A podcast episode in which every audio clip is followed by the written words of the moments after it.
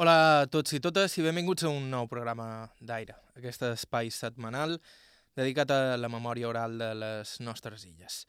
Avui eh, ens sortirem un poquet del guió habitual i tenim un protagonista especial. Tot un ets batlle de Calvià, ets conseller del Consell de Mallorca i fins i tot aspirant a president del govern de les Illes el 1977.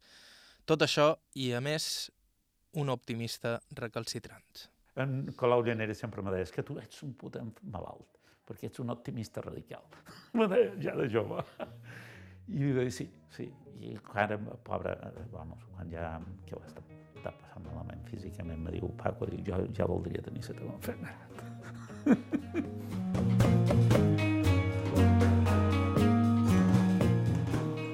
Parlarem de política o sentirem parlar de política, però no temeu, que no vos embafarem accés d'aquest tema. Ja n'hi ha prou aquests dies. En Paco Obrador no volíem parlar tant de la cosa pública com de la cosa privada, de la seva vida. Una vida de compromís social, sí, però també una vida que no podria haver estat d'altra manera si es té en compte el barri on va néixer i quina mena de gent l'envoltava.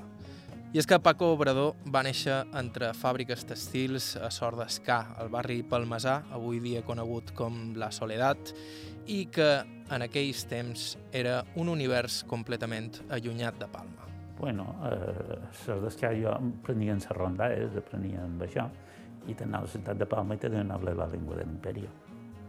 El castellà malíssim. I de com era aquell barri, i de com era la classe obrera en els anys 40, 50 i 60, i fins i tot avui en dia ens sentirem a parlar una estona en el programa d'avui. Estau escoltant Aire a IB3 Ràdio, vos parla Joan Cabot. Començam. I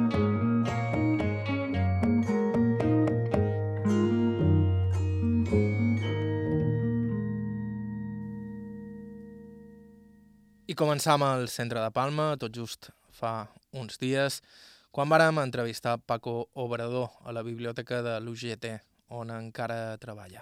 Ell mateix es presenta. Començaré. El meu nom és eh, Francesc Obrador Moratinos, no?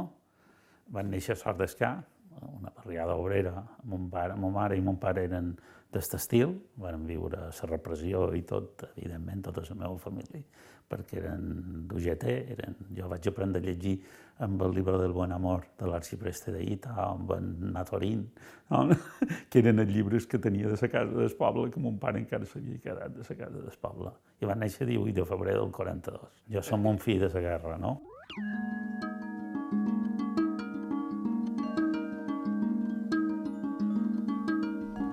Sort d'Escà és un barri encara avui dia peculiar, amb una personalitat marcadíssima. I la seva família era un exemple genuí de la mena de persones que poblaven aquell lloc. Classe obrera, venguda d'altres barris de Palma o dels pobles de l'illa que havien anat a guanyar-se les faves a les fàbriques. El barri era un barri que va néixer entorn a una fàbrica, que era Can Ribes, de textil és dir, tothom feia feina d'estil. Ma mare va començar als 7 anys d'estil allà, la seva predina havia fet feina a Fladès, al carrer de la Ferreria, allà a Fladès, que era l'altra fàbrica que tenia Can Ribes, no les Ribes. Tenien dues, a part de Solla i, i Espoldes i altres puestos. I era una fàbrica que va fer néixer el barri, a, final del segle XIX, no? El barri va néixer entorn d'allà, de tal manera que l'Iglésia la va pagar la fàbrica, no? El, eh, soli de Sallanti que posaven era sagrari per encendre-se, eh, la duien de la fàbrica, de la fàbrica, i entorn d'allà van néixer casetes, casetes, no? i dins un hort que se deia Sort d'Escà, que tenia l'entrada que estava davant de Rosales, a l'altra part de la carretera. Tenia una estàtua que hi havia un ca, això m'ho contava la meva predina. No? I d'aquí va néixer la fàbrica i d'entorn a la fàbrica va néixer. Aquest barri llavors va tenir a la crisi del 62, però ja als anys 46, 40 havia començat Gorila, no? I per tant jo som de la generació de Gorila. Jo als 14 anys va començar a fer feina Gorila, que era normal, eren 3.000 i pico de treballadors i quasi tots de la barriada. I ja aquest estil havia caigut, ma mare va viure la quebra d'aquest estil del 62, quan tancà Can Ribes, i jo vaig viure fins a Gorila des dels 14 fins als 28, 27 anys.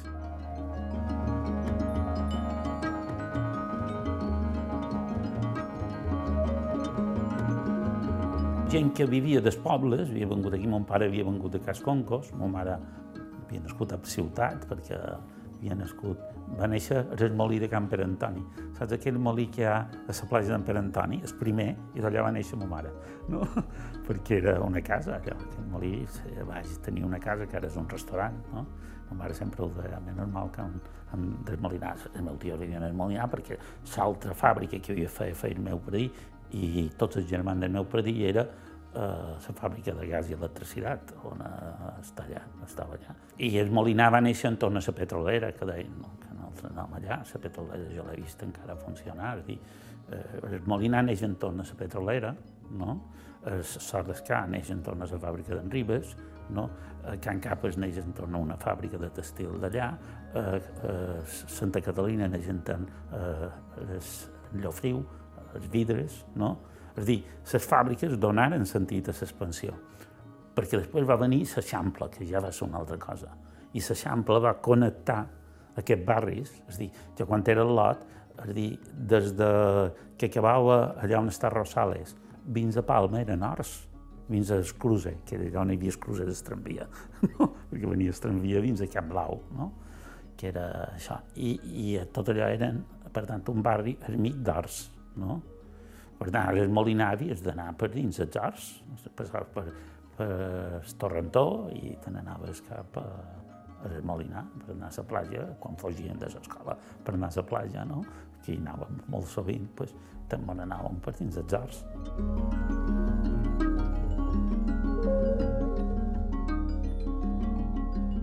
Tot feien feina en el mateix lloc. La meva mare era, havia estat del comitè de vaga, de la primera vaga del 1934 de Tassil, d'allà, i ma mare era un referent. Jo, quan a mi me coneixen en el barri, encara els majors, majors, com el fill de la Bertomeva, la meva Bertomeva, perquè era, havia estat com una espècie de líder local.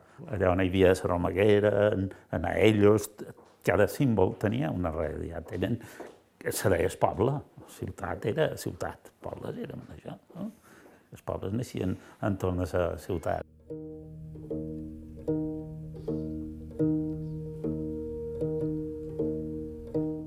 Amb aquests antecedents i després de la guerra, la família de Paco Obrador tenia tots els punts per ser objecte de la repressió, tot i que varen aconseguir sortir més o manco ben parats d'aquella manera la seva mare perquè estava embarassada. Son pare es va haver de fer soldat directament per evitar tenir problemes. Però les represàlies varen ser duríssimes al barri. Pues mon pare se va mobilitzar perquè li conceren, no? perquè havia estat dins d'això. Mon mare, com que estava embastat del meu germà, no? pues va quedar allà i el que te conten és la repressió. És dir, un nit, quan varen desembarcar es, es, eh, el Capitán Bayo allà a Manacor, ma mare me deia que em van matar 300 del barri, no? Entre ells així de la Romaguera, que era una dona com una santa que havien de venerar tots els arlots, perquè havien matat el seu fill, els seus braços, o en Palmer, que havien intentat fusellar a el Torrentó i se va escapar, i, i a través de la Madonna del Torrentó davall la Camilla, no? se va escapar i, i l'adorava i coneixia, és dir, Molines, que vivia davant, que havia estat el jefe del comitè de vaga, pues el tancaren els carrers i se va amagar dins el capellà, el va amagar dins d'això, coses d'aquestes. És dir, hi havia una traducció, hi havia dos personatges molt curiosos. La Romaguera era la dona que havia matat els falangistes al vespre a tirs al carrer Fornaris, no? Allà, i aquesta dona nosaltres l'havien de venerar. No estava bé d'escap perquè va tornar, perquè el fill va anar a guaitar per la finestra, per darrere de la finestra, per allà. Fongista anaven de ràcia i li tiraren des de baix i va morir en braços de sa mare i sa mare va tornar com a loca. Aquesta era la santa, no? Eh, perquè era la dona que, que representava el que era aquell barri i de tal manera que no t'atrevissis tu a, a comprar les xutxeries, les xutxes que diuen ara, nosaltres compràvem, havies d'anar a comprar la Romaguera, perquè si no, és que no te donaven només per comprar. I hi havia l'altra part, que eren aèreos, que són pocos i covardes, que era un element de la repressió, que també havia tornat loco. Aquest se dedicava a dur aigua per les cases, perquè no hi havia aigua corrent on hi les cases. I els i no tenien altre entreteniment que tirar-li les gerres en terra pues bé, tu tiraves les xerres en terra. Si ell se rebel·lava, sortien de Can Coll de Vida, que hi havia de Barça Manxeta, o del casino, o de tal, sortien els homes per defensar-nos, perquè a ells era el que representava la repressió. És a dir, això ho vàrem viure de nins. Nosaltres, el meu germà, vamos, molt més que jo, perquè tenia... És a dir, era un barri marcat per aquest, era el barri roig, obrer, per essència, no? Eh, com, com t'ha dit Santa Catalina, com Can Capes, com el Molinar, no? eren els barris obres.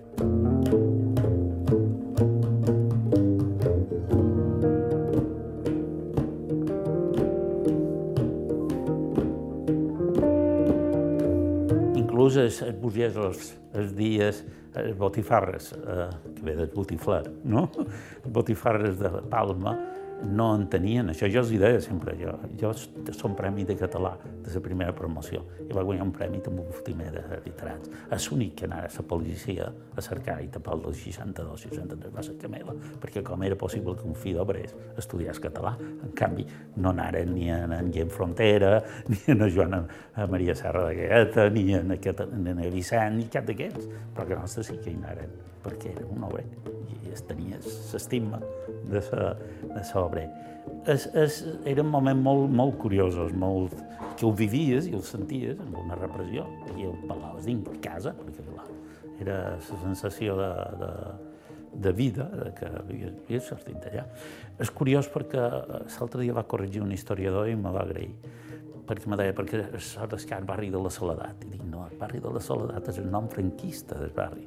El nom real de la república era la Libertat de tal manera que els tramvies que anaven de la porta de Sant Antoni a Can Blau tenien allò el rotllo aquell que duia el nom. I allà on deia la soledat, quan plovia se banyava, no? i transparentava. I a darrere veus la llibertat.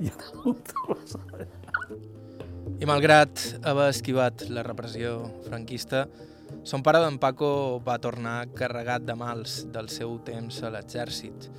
Ell, comenta, es va criar sobretot amb sa mare, que era qui va sostenir la família aquells anys. Perquè va estar 9 anys servici. Havia, acabat, havia anat a Àfrica, se va alliberar de... va venir, se va, se va casar amb ma mare, va tenir el primer fill, i el tornaren a mobilitzar fins a l'any 44. És dir, va fer 9 anys de servici militar, li destrossaren la vida. Destrossaren la vida. Va reprendre tots els vicis del món, jo l'estim molt, perquè el pobre el que va sofrir és per estimar-lo, no? Ma mare era cap de família. Ma mare era el xou que teníem fills cada... I eren tres fills, no? Per què? Pues perquè el meu germà va néixer el 36, per tant, antes de la guerra, després de la casa en tenen un fill, jo va néixer el 42, quan ja va acabar la primera guerra, la guerra civil, o incivil, i la meva germana va néixer el 46, el 46 quan va acabar la guerra mundial, perquè mon pare va ser molt civilitzat durant tot el temps de la guerra mundial, fins que els alemans començaven a perdre, el 43, 40... Llavors va, va, va, va tornar a casa seva, no? És una generació fotuda.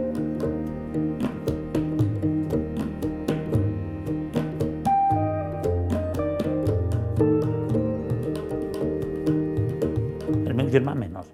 Jo sí, ja, perquè mon pare va tornar al 44, ja, i ja tenia dos anys. Però tots els problemes de mon pare, perquè, clar, havia agafat tots els vicis que te puguis imaginar.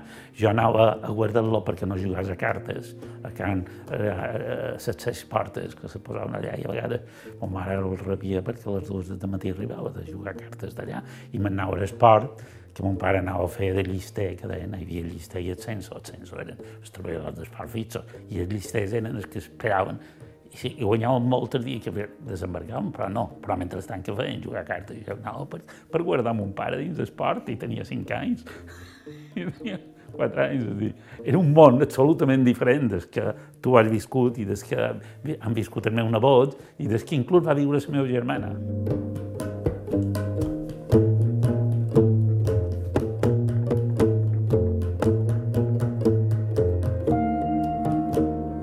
Sí que tot el que tenien, no podien jugar molt perquè tampoc tenien molt de dobbes i el préstec no se feien. Llavors, de posta vivien més del sou de ma mare. Que... I de Madame Antònia, que, que, que aquesta setmana només te puc donar això. I li donataves i quan arribaven, quan feien hores extres i quan podien pagar, no? Això era el món que vivia. Així que no és gens estrany que Paco Obrador tingués ganes de posar-se a fer feina quan abans millor. Ens sentirem parlar d'aquí uns segons. Ara fem una breu pausa. Dos minuts i continuem.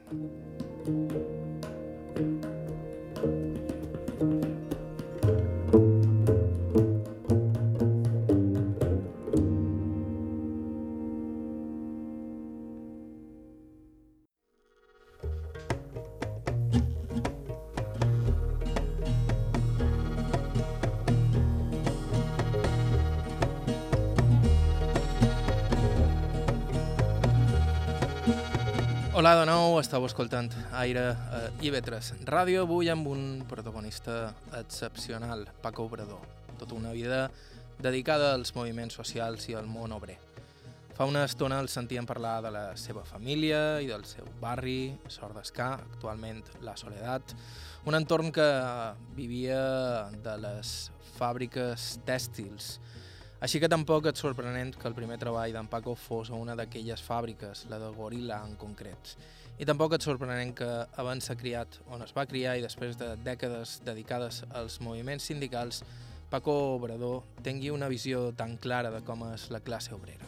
La classe treballadora, ara i sempre, aquesta consciència ho tenen els la gent bé. Els obrers tenim la consciència, o tenen la consciència, i ho parla jo, molt espontània, molt real, de sobreviure. Quan tu no podies pagar la botiga cada setmana i devies tot, i per comprar unes sabates havies d'esperar a cobrar la paga extra de Nadal, l'únic que volies era cobrar la paga extra, perquè ens lot duguessin sabates, no? Això, aquests altres pensaments, neixen d'un tipus de gent que no ha viscut això, dins aquest període històric, jo no vull dir en altres períodes, perquè el període històric la repressió va ser tan dura, i l'economia era tan dura. És dir, sentir la fam, això només un poble polac que ho ha sentit. Que no tenies per menjar i veure ta mare plorant deuen ser el menjar perquè menjassis tu. Vens? Això ho has d'haver viscut, no? I clar, dins un barri obrer, això era. Entens? Jo per anar a estudiar, que vaig anar a estudiar en col·legi de pago, havia de granar les classes, havia de servir menjar als pensionistes i menjava el que sobrava el que no se menjaven els altres, això era el meu menjar dins la cuina, m'entens? I havia d'acompanyar el pare Taula, que era un sant home, però cego, no? Havia d'acompanyar l'església de Sant Joan. I, I els dissabtes i diumenges havia d'anar a repartir follet de Sant... De, de, I tenia 8, 9, 10, 11 anys, no? Havia d'anar a repartir de la rellotgeria Navarrete del carrer de, de Sant Miquel a repartir follets. I els dimarts, dijous i dissabtes havia d'anar amb un pare amb un carretó així a carregar el mercat primer a la plaça Major i després a, al mercat de l'Olivar, bultos prestejats de les 6 de matí a les 9 i a les 9 m'anava a escola. I allà et seguies i eres escriat i per això et deixaven estudiar. Fins als 14, i als 14 quan va complir va ser la meva alliberació, anar a fer feina, sentir-me un treballador. On vares estudiar? Jo, als Titins, a carrer de Vi. allà, no? Col·legi de pago, que era de pago, el que que jo era el que havia de servir els que anaven en classe en jo, el que quan acabava havia de granar la sala on estava, perquè tenia la sort o la desgràcia de que mon pare era cosí germà del superior, dels obradors, no? que eren eh, curiosos, tres frares, una monja i un militar, que surten en, en Tomàs, surten reflectits perquè van ser els traductors del Conde Rossi. No? I, i, es, i es, i, i, i tenia la sort d'això. El primer que em van dir és que no els digués mai tio. Això és el que me'n recordaré, el primer que em va dir, pare Miquel, és aquí no me diguis tio mai.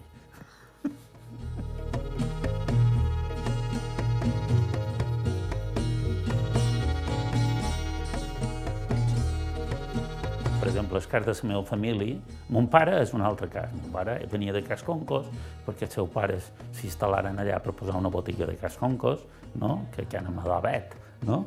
i va morir son pare i la mare de mon pare van morir prest i sa, i sa germana major, la tia Maria, el va dur, casada amb en Bernardo, que era de la TNT i llavors de la Falange, perquè era tramviari i els tramviaris eren de la TNT i aquest estil era de la UGT. Això estava dividit així, no? És dir, i, i, i vivies i, i tenies així. Sobrevivies, perquè era sobreviure, no? I la gent és el que te dic, que, que, que parlam amb una visió que no té res que veure amb aquella realitat dura.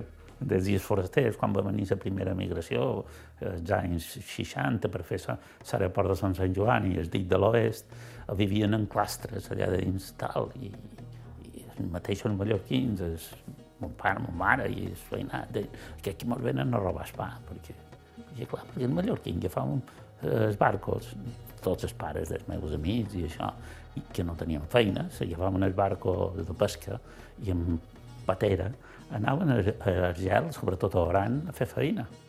I jo tenia una col·lecció de celles magnífica, perquè me dedicava a col·leccionar, perquè me donaven els celles de tots els, els que havien emigrat a Amèrica, els que havien... Era això, això era la realitat d'aquest món. Que no el teoritzaves, és dir, perquè no tenies ni espai per teoritzar. És que jo sempre dic, què penses el que has menjat? Si tu has patit fam i has sabut què era això, penses diferent des qui eh, ha tingut el plat calent damunt la taula cada dia. Penses diferent quan tu has d'anar perquè ma mare sortia a les 12 i a la una i mitja havia de tornar i tu havies de dur a mitjana escola, com 8 anys, o 4 i 5 anys, du la meva germana a mamà a Can Ribes perquè te carregaves a l'escola i la dues, i després havies d'anar a escurar perquè ma mare s'havia d'anar a la fàbrica i tu escuraves i granaves, i havies de preparar el foc perquè l'alerta que se te caigués en serradís, perquè fèiem el foc de serradís, el pitjar permetia sobreviure.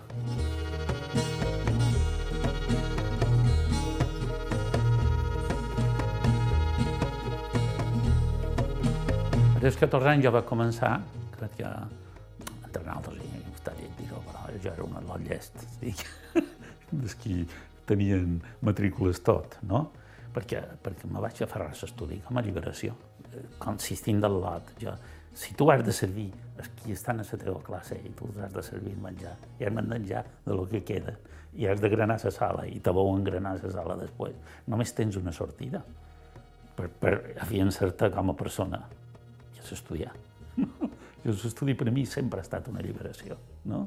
I quan estudiava molt, tenia molt bones notes, no? Tenia tal, eh, quan vaig complir 14 anys, 14 anys i 3 mesos, perquè tal, va començar a goril·la, va començar d'aprenent, de botones, amb una bicicleta, anava a cercar la correspondència per tot Palma i feia comptabilitat. Els anys ja era auxiliar i els dos anys ja era administratiu, no?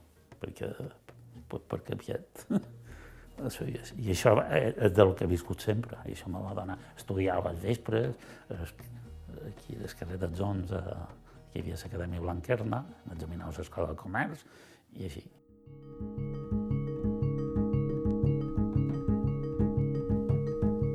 Segons Paco Obrador, la consciència de classe i el compromís li venien de sèrie. Escoltant la seva història i la, la seva família, no estranyarà a ningú que just entrar a la fàbrica tèxtil sorgís el seu compromís. Jo crec que sempre ho he tingut. Entens? Dins la fàbrica ja hi havia com a moviments, en que t'he dit, que el, fusell, que el fusellant se va tirar antes, i quan nou no rematar va, va escapar del torrentó. I coneixia el, el director que havia estat de la brigada motorista de les bicicletes catalana, que era de la República, que, no, que havia estat als camps de presó de, de França i que havia vengut.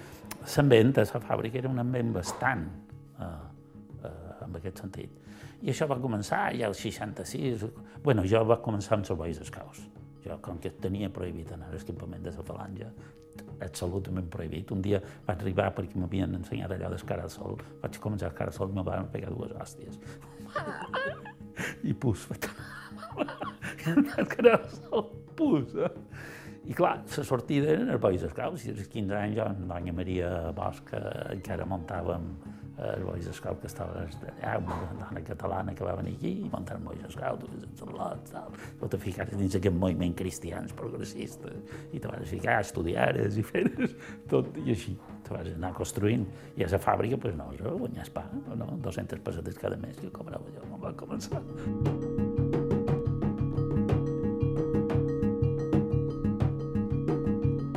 Tenen en compte que jo va començar, eh, jo feia feina a Gorila, no?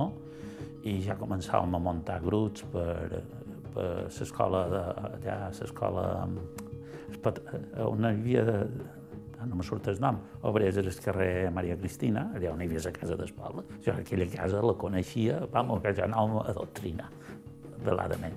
I en aquesta casa, que hi havia l'escola d'hostaleria mestre Tomeu, amb el Divieso, que era el que comandaven aquí i allà amb en Frau, no? que era aquí el mestre que tal. Començàvem allà, saps, a preparar gent, a enredar gent i tal. I quan ja estava jo ja més alliberat, el 68, vaig de, 67, vaig decidir eh, anar-me a hostaleria perquè era futur. I com que tenia un currículum que m'ho permetia, doncs va començar a hostaleria el 67. El 66 jo ja havia estat en contacte quan naixia comissions obreres, moviments dins la fàbrica, no? Començaves a parlar, les eleccions, aquelles coses, aquelles coses, no? I després això te va dur a tots els moviments cristians progressistes, a la JOC, jo vaig ser responsable de la JOC quan tenia 16 anys, no? responsable de la JOC de, de, de Balears, no? i els moviments obrers, ACO, Acció Catòlica Obrera, la OAC, els moviments aquests, te vas anar liant cristian pel socialisme, després en son pare d'en Comín, que fi no té res que veure en son pare, en Comín, i van començar a muntar allà els cristians pel socialisme, i començàrem una escola, una escola de formació. A, dir, a partir d'aquí van anar creant grups, grup de gent progressista cristiana, sobretot, no? i gent que començava aquí. I em va ser això a través de, de Cornellà, sobretot, que van tenir molta relació, amb García Nieto, no? que va ser un jesuïta de, vam anar creant tot el que era el moviment que, que jo et parlaria d'en d'en Gianni Vattimo, que és un italià que va néixer igual. És exactament la mateixa història de tots. Oh, avui sentia en Jean-Luc Nancy, no? el filòsof, no? I, i, i ho explicava, de, som d'una generació molt concreta, que van viure la postguerra, no?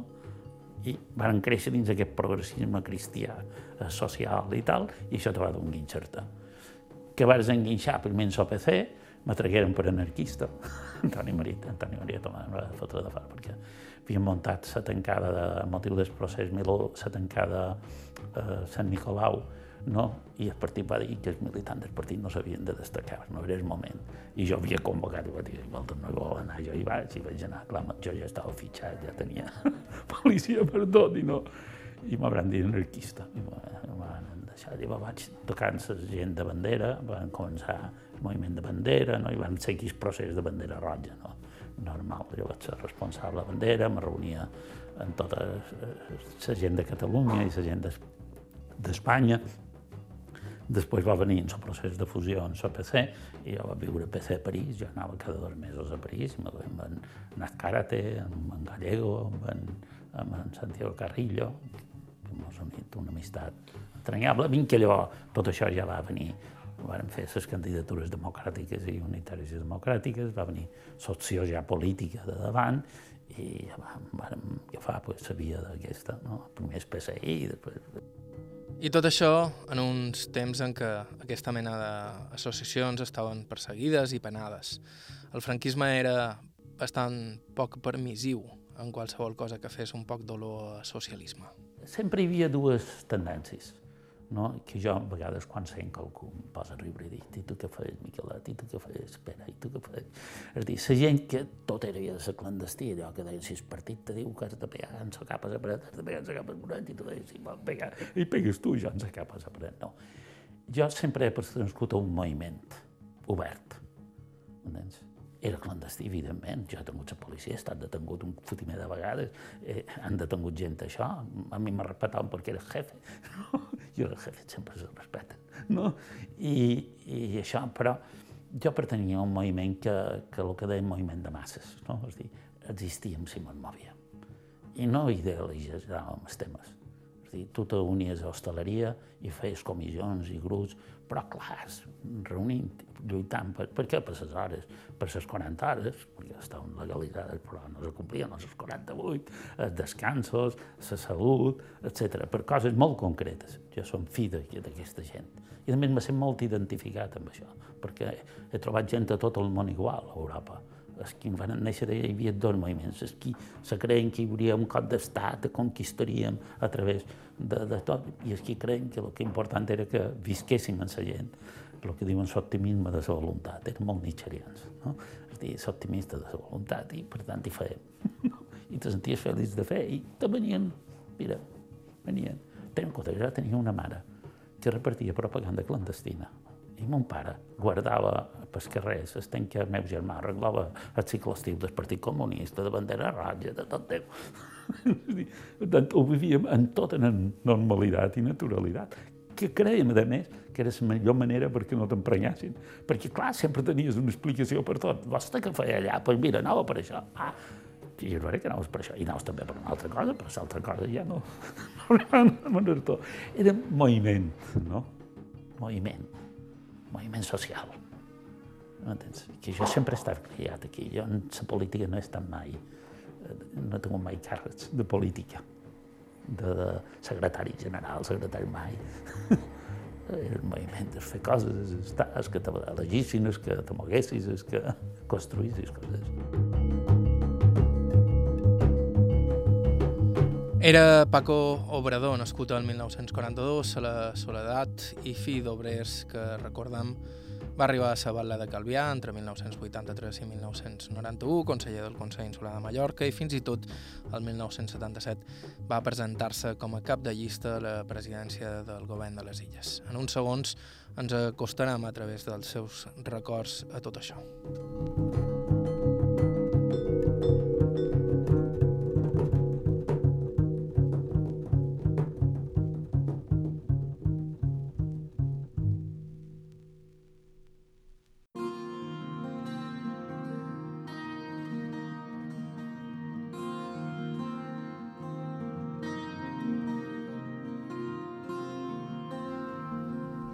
Hola de nou, continuem amb el programa d'aire d'avui en aquesta sintonia de IB3 Ràdio, un programa protagonitzat per Paco Obrador, un personatge que va tenir rellevància política a les nostres illes a partir de la transició i que, degut al seu recorregut, aporta un testimoni excepcional sobre aquells anys vistos des dels moviments obrers i sindicals, dels quals va formar part tant en la clandestinitat als anys del règim franquista com posteriorment, de fet, fins avui en dia.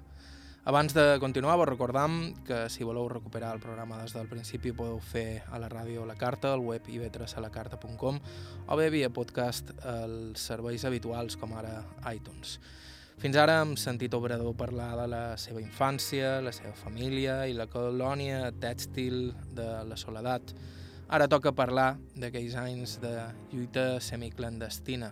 Paco Obrador va formar part d'un bon grapat de moviments obrers d'arrel cristiana.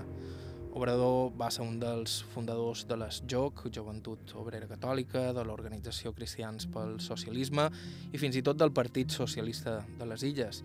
A més, formà part de comissions obreres, Bandera Roja, el Partit Comunista i d'Unió Sindical Obrera. En resum, una vida sencera ficat a organitzacions un temps il·legals i clandestines i així tot, diu ell, ho assumien en total naturalitat. Tothom sabia el que feia. Te detenien, posaven la policia davant, te demanaven, tal, tenies com que ho feies tan clar, pues, podies fer el que volguessis.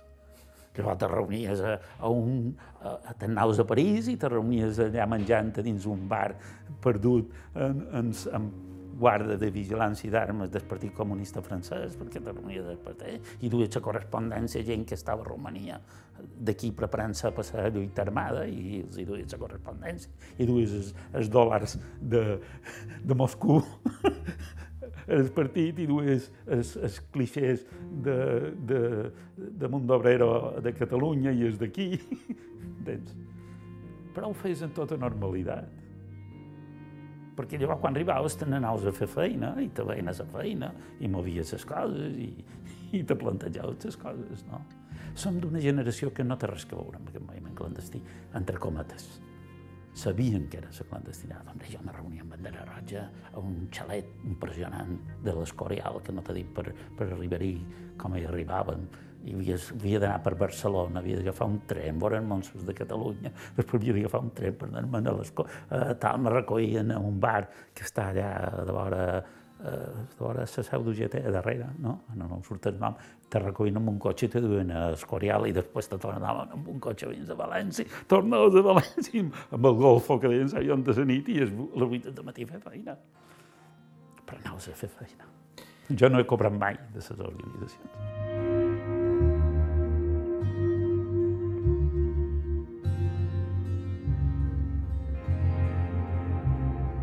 Ens reuníem en comitè, hi havia en Soler Tura, que era el nostre jefe, no? Hi havia d'Andalusia, de Madrid, de per tot, no?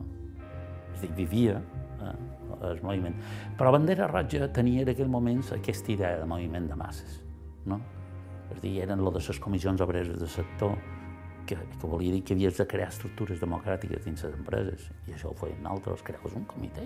La gent sabia que hi havia un comitè, però era un comitè que no es deia ni de comissions, que organitzava, que vigilava, que controlava, hi havia el tronco i el tronquillo, i la mare que va dins l'hostaleria i després l'organitzava, no? És dir, la nostra defensa era la lluita oberta, no tenir por, perquè no intel·lectualitzàvem els temes. Estimàvem la gent, sentíem la gent i vivíem. I la gent el coneixia com, a, com això, com és qui, quan tenia un problema eh, li resoldies, quan es que els organitzaves per, per fer l'aturada o perquè havien prohibit la barba les, les camarers, les nits pales, se pintaven la cara negra, o els qui... Aquestes coses tan de cada dia eren més d'això. I sorprenentment, Paco Obrador no parla excessivament malament de la seva relació amb els empresaris. De nou, imperava la naturalitat i hi havia un poc de tot, fins i tot aliats inesperats. Pues les relacions amb els empresaris, pues, eh, te diré, un hotel me van treure en Calors Blanes i me diu, mira Paco, jo m'és igual que me facis les vagues que vulguis, no? Això era, te compte, el 70, exactament. Diu, però el que no puc acceptar és tenir la brigada d'investigació social tot el temps aquí, perquè això te parla de l'any 70, exactament. Perquè, clar, es Montenegro era l'hotel de l'illa, de, tot, de tota la gent ve de Palma, que anava a fer les seus escapadetes, ai, que digues, aviam, i res, ho vaig plantejar, i vaig entrar al monstru de companyia de Shipping Industrial Holding, que eren els, que era Cristal, eren els estiguers de Londres, que creaven una companyia aèrea, el Cristal Hotel, Cristal Hotel que nada menys que el botellón ve d'aquí, i lo de, de, els inglesos gats ve, ve d'aquest turisme no? que feien en els xàrters i va començar allà, no? I va començar el gener-febrer del 70, no? I els dos dies, no? Això m'ho contaren 20 i pico d'anys després. Se presenta la policia allà, no? I me diuen, vostès han contractat un senyor que nom fulano de tal. I el director general, que era anglès, no en tenia, era la policia. I diu, la secretària diu, miri, però com que no en tenia van enviar a demanar un traductor. I aquest traductor era en Rafael, que jo ho coneixia molt, era el secretari de la patronal d'Andalusia, l'envien en Rafael per fer de traductor a la policia. I quan entra en Rafael, el director general, clar, li diu, és a thief, és un lladre, no? I aquell li diu, és un lladre, li diu a la policia, diu, no, no, és un raig, i aquell li diu, és red. I el director general diu, a red, I am a red, I am a labor party, perquè la que es diuen reds, oh, com el Manchester United, era l'equip d'aquest, i diu, red, red, I am a red, I am a red. Això m'ho contaren 25 anys després. Però al cap de tres dies, el director administratiu, que era d'esquí de Penia, jo, perquè auditories de, de, de comptabilitat i això, pensatel, me diu, vostè qui és? I dic jo, fulano de tal, m'havien seleccionat per una empresa de selecció de personal, no? I me diu, em diu, aquí vostè ha de, pot fer el que vulgui, l'únic que ha de fer és feina. pot pensar el que vulgui, però feina. És dir, això, perquè vegi si te controlaven. Els dos dies d'haver-me donat d'alta, hi havia la brigada d'investigació social, i el seguien, i moltes vegades me va passar, encara me'n recordo una, que hi havia en Tino, la mare, va. jo anava, que estava a bandera, anava, vaig sortir de, de l'hotel que estava, que era el carrer, el carrer de Trasimeno, aquí a, a Serenal, no? que estava allà a l'hotelet aquest. Era un hotelet pont, que jo estava i anava d'un als altres, i vaig anar per agafar les galeries, eh, i eren unes galeries que estaven ferrades, i anàvem de, del carrer de Trasimeno a la mà, i, i un braç així. I jo els va venir, perquè havien quedat per veure morts, per parlar i totes aquestes coses de, de, de clandestinitat, que també ho tenien. I quan arriben a l'esclusé, vaig, en vez de venir cap a jo, ni me diuen res, si giren per l'altre costat, dic, ui, què passa, vaig seguir. De fet, eh, me'n vaig anar, vaig tornar a l'hotel, descat un rato venen, m'avisen, és que no hi sabria. Dic, això ho tenies, però i la policia te detenia cada dos per tres i te deia, què fa, vas faig això? Diu, sí, ja està, clar, però clar, no te'l protegeixen, per què? Perquè, perquè l'Iglesi, perquè tots aquests moviments eh, cristians, aquells dents, i mesclaus una cosa amb l'altra, i podria d'anar a dir la policia, és la veritat. I contava la història que volies, no? I quan que eren històries verosímils o contestables, pues,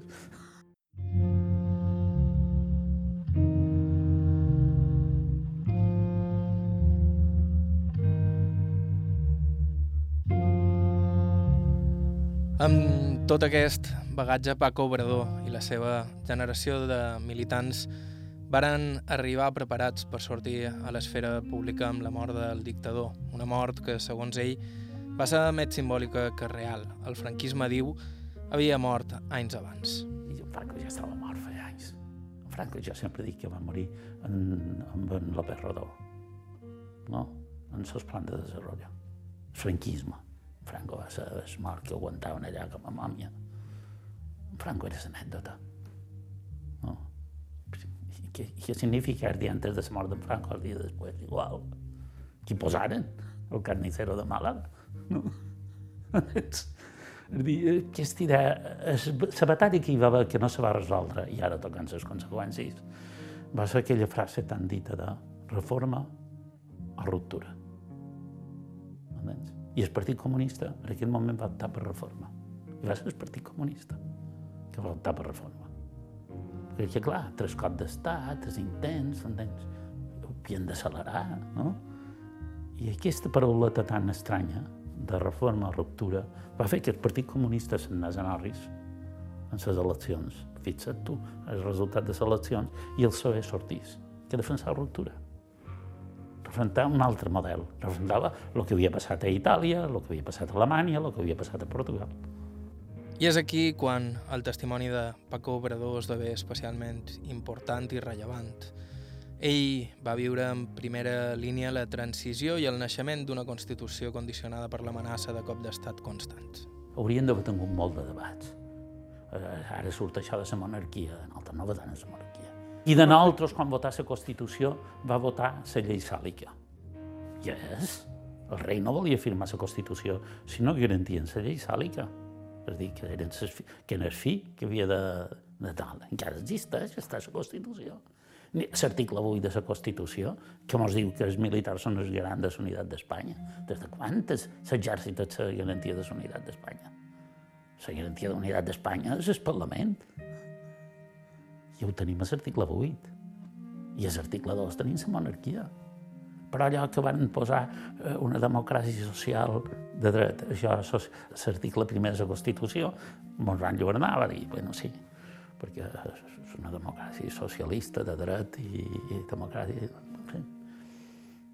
Un estat social i democràtic de dret, no?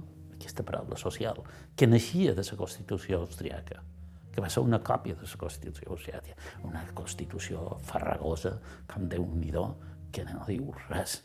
Quan la vas a gratar, te trobes articles de la Constitució que ni s'han estrenat, el 129, el 130. Hi havia la programació econòmica a dins la Constitució. És una Constitució que s'hauria d'haver refet. Jo te diria que a mi me feia mal la Constitució, però la van votar tres cops d'estat. Des de, antes de la Constitució i després de la Constitució, el darrer, és del 81. Han de ser clars. Els militars estaven allà. La situació europea ja canviava. Ja no hi havia la por que hi va haver al principi, perquè ja estava en crisi el bloc, el sistema democràtic, el 80, que és el 89, se'n va anar a ris eh, el mur de l'est. I, i la socialdemocràcia ja perd la força. Avui hi ha hagut eleccions a, a Finlàndia, que havia de dir que per dues dècimes no, no ha guanyat l'extrema a Holanda l'altre dia les eleccions generals, el feixisme més pur i dur, a Holanda, a Holanda, a Àustria, el feixisme més fort i dur. A Itàlia, què tenim? A Alemanya, com creixen? A Suècia, què tenim? És que no ens donem compte que el món no és el mateix.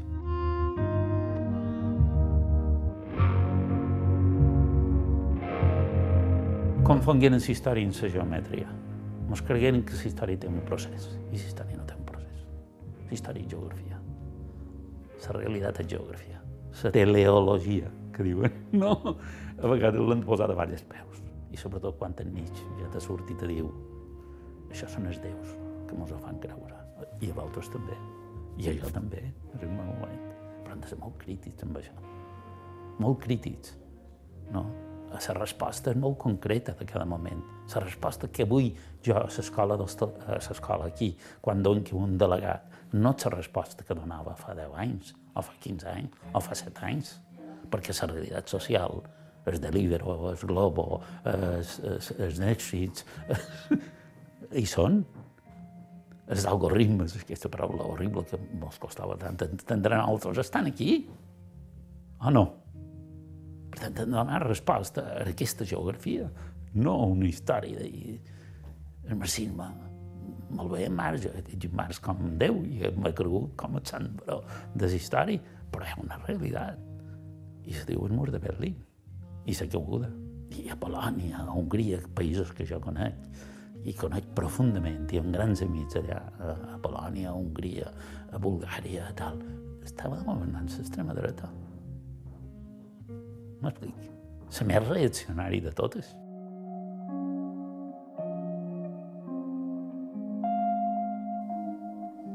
Després vendrien els anys d'activitat política en primera línia. Com hem explicat abans, Paco Obrador va alternar diferents càrrecs durant els primers anys de la democràcia. Sí. Sí, sí. El primer president del Consell Econòmic i Social. Parla de canviar... Parla de canviar. I te vas presentar les... Va presentar les eleccions, sí. Com, En contra de l'opinió del partit. Com vas viure tot això? Pues com una experiència. Entens? Vivies allò perquè, mira, perquè creus que ho havies de fer en aquell moment. Jo no, no me deman massa coses, més. Ni ara ni mai. No? Jo sempre... El meu germà no ha estudiat mai. El poc que s'ha llegit i escriure el meu germà eh, li ensenyava jo els vespres, perquè el meu germà era cinc anys més major que jo, i als 8 anys va començar a fer feina a Can Estarelles, a el carrer de, allà de, de construcció, i, no, i jo li ensenyava, però que és un gran, va ser un gran professional de la soldadura, a més, molt valorat i molt estimat, i, i és un home de seny. Un dia anàvem pescant, té una, una barca que vam heredar dels predins, no? El Molinar, i estàvem pescant, i jo estava rebentat, rebentat, no? I li dic, eh, un dia dic així, dic, ai, Tomeu, estic cansat, i em diu, diu, això, de què estàs cansat? Diu, tot això que, que damunt, i diu, què ho fas, perquè vols o t'obliguen? Pues mai me va queixar. I la segona expressió que me va dir, perquè és un home de seny, a més, és, és, és d'això, i no ha llegit mai un llibre, eh? Mai llegit un llibre. I un dia estàvem parlant i jo, Tomeu, estava més optimista aquest dia, crec que sempre he fet el que he volgut. I me diu, mentida, podria dir, tu el que has volgut sempre el que has fet. Doncs pues això, aquestes dues frases del meu germà me descriuen. Paco Obrador encara conserva bona part de la practicitat obrera de la que parlava fa una estona. Aquella visió de la vida més enllà dels ideals en què les coses són el que pots tocar amb les mans. La línia que separa el menjar del passar fam i en aquest sentit encara s'aferra a les coses que poden semblar petites però que tenen un efecte real i quotidià en la gent, el seu veritable credo sindicalista. Jo crec que hem de transmetre en el que puguem estimació a la vida perquè és l'únic que tenim. En fet, nosaltres naixem, fem feina i ens morim. I som un punt. El més important som un puntet, més gros o més petit dins història i prou. Lo important és que vivim. L'important és que jo som aquí ara parlant d'en tu, d'aquí un rato me posaré a organitzar el curs, després m'aniré a veure una mica per estar un ratet amb ells, perquè tenen problemes aquí, després m'aniré a dinar, després, i després estudiaré i després faré. És, estimar el que faré. No? i, i, i després riure de, de del que vius. Tu dius, els moviments sindicals. Jo l'altre dia ho deia. Ara faig la fitxa dels moviments. Amb vuit convenis. Vuit convenis de Balears, no? Vuit convenis de Balears firmaran per 230.000 eh, treballadors d'aquestes illes les seves condicions laborals. A partir de 1 d'abril, els treballadors d'hostaleria cobraran un 5% més. I l'any que ve cobraran un altre 5% més. I l'altre any, 4% més. No? És a dir, 200 i pico. Quina llei hi ha en aquest país, aquest país nostre, que afecti a 240, 240.000 famílies en la bàsic, en els seus sous i les seves condicions de treball. Això és important.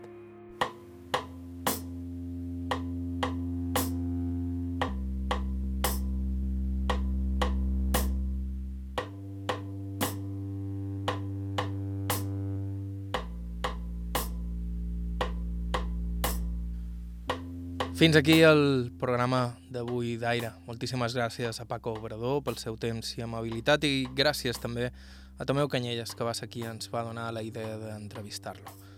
Com sabeu, si ens voleu proposar alguna entrevista ho podeu fer enviant-nos un correu a aire.ivetresradio.com També ens podeu seguir a Facebook i Instagram i si vos voleu subscriure al podcast del programa ens trobareu a iTunes i de més serveis similars.